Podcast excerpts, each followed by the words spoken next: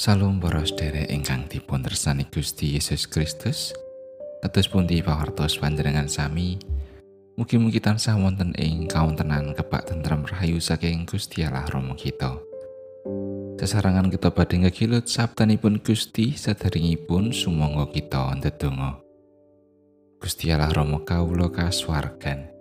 Sedaya puji syukur lan panuwun kunjuk dumateng Paduka Gusti. Awit sakathahing berkah pangrimat paduka ing sauruting gesang kawula. Sakmenika Gusti kawula nyawisaken manah kawula. Sumangga Gusti paring pangantikan. Mugi suci paring pepadang satemah kawula saged mangertosi lan nindakaken dawuh paduka. Kalong rumaosi minangka titah ekang sekeng dereng saged ngecakaken dawuh paduka kanthi sampurna. Mugi Gusti kersa paring pangaksami. Wonten ing asmanipun Gusti Yesus Kristus kawula ndedonga. Amin. Maosan kapendet saking Injil Lukas bab 12 ayatipun kalih likur dumugi tigang dosa setunggal. Gusti Yesus banjur ngendika marang para sakabate. Mulane aku tutur marang kowe, aja padha sumelang ing bab uripmu. Apa kang bakal kok pangan?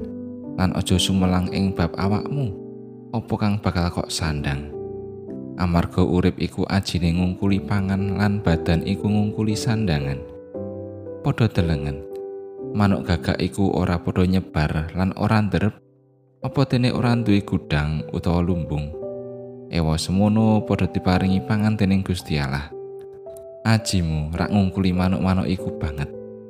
Sopo to panunggalanmu kang marga saka sumelang bisa nyambungi umure saasta? Dadi yen kue babang sepele dhewe wae ora bisa. Kepriye dene kok nyumelengake bab liya liyane? Padha tamatno kembang bakung kae. Ora ngantih ora nenun. Ewa dene tuturku marang kowe. Sang Prabu Sulaiman sajrone sagunging kaluhurane. Pangagemane ora ngungkuli endahe salah sijine kembang iku. Dadi yen suket ing ora-ora kang saiki isih ana, sesuk kabuang ing geni iku dipanganggoni dening Gusti Allah nganti kaya mangkono saya meneh kowe he wong kang cupet ing pangandel. Mulane aja padha mrihatinake opo kang bakal kok pangan lan kok ombe sarta aja melang-melang. Awit iku kabeh kang diupaya dening wong kang ora wanuh marang Gusti Allah. Ramamu ora ora kekilapan yen iku kabeh dadi kabutuhanmu nanging kratoning Allah iku padha upayanan. Nuli kabeh iku mau bakal diwuwuhake marang kowe. Makatan pangantikanipun Gusti ayat na sang ayat tigang dosa setunggal. Nanging kratoning Allah iku padha upayanan. Nuli kabeh iku mau bakal diwuwuhake marang kowe. Wonten kakidungan, aja sumelang bab uripmu, munggo ing sandang lan pangan.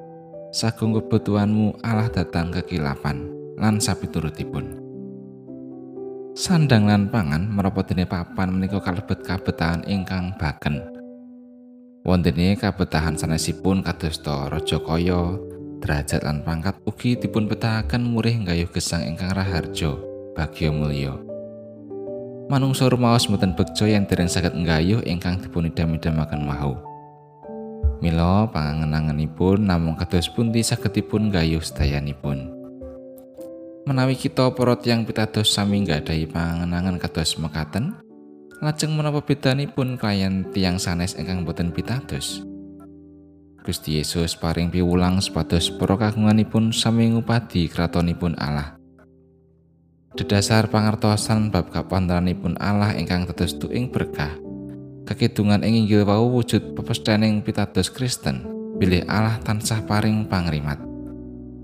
Ewas manten sampun ngantos gadah panganggep. Pokoke ngandel, mantep percaya marang Gusti Yesus mesti kabeh bakal beres. Wis to, percaya wae.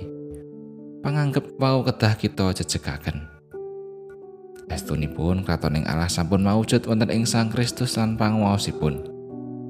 Ngupati kratonipun Allah tegesipun nggadahi sikap pasrah sumende ing panguwasipun Gusti. Abang birune kahanan iku amung gumantung panjenengane. patra pasrah sumendi Gusti mboten ateges bilih Gusti mesti maringi menapa malih kanthi cara simsalabim makbruk mboten ingkang leres bilih srana pasrah sumendi dhateng Gusti kita badhe nampi daya kegiatan kangge budidaya ngudi lan gayuh ingkang tetes kabetahan kita ing samestinipun jer panganangan kita mboten ing bab berkah menika piyambak ananging namung dhateng ingkang paring berkah inggih menika Gusti Allah sumbering berkah. Menika wae bedanipun kita kelayan tiang sanes. Amin.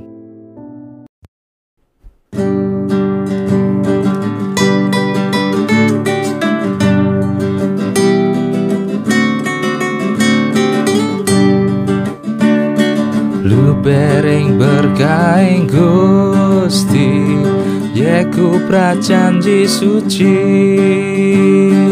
Urip mulya ane swarga pinaringken sang putra.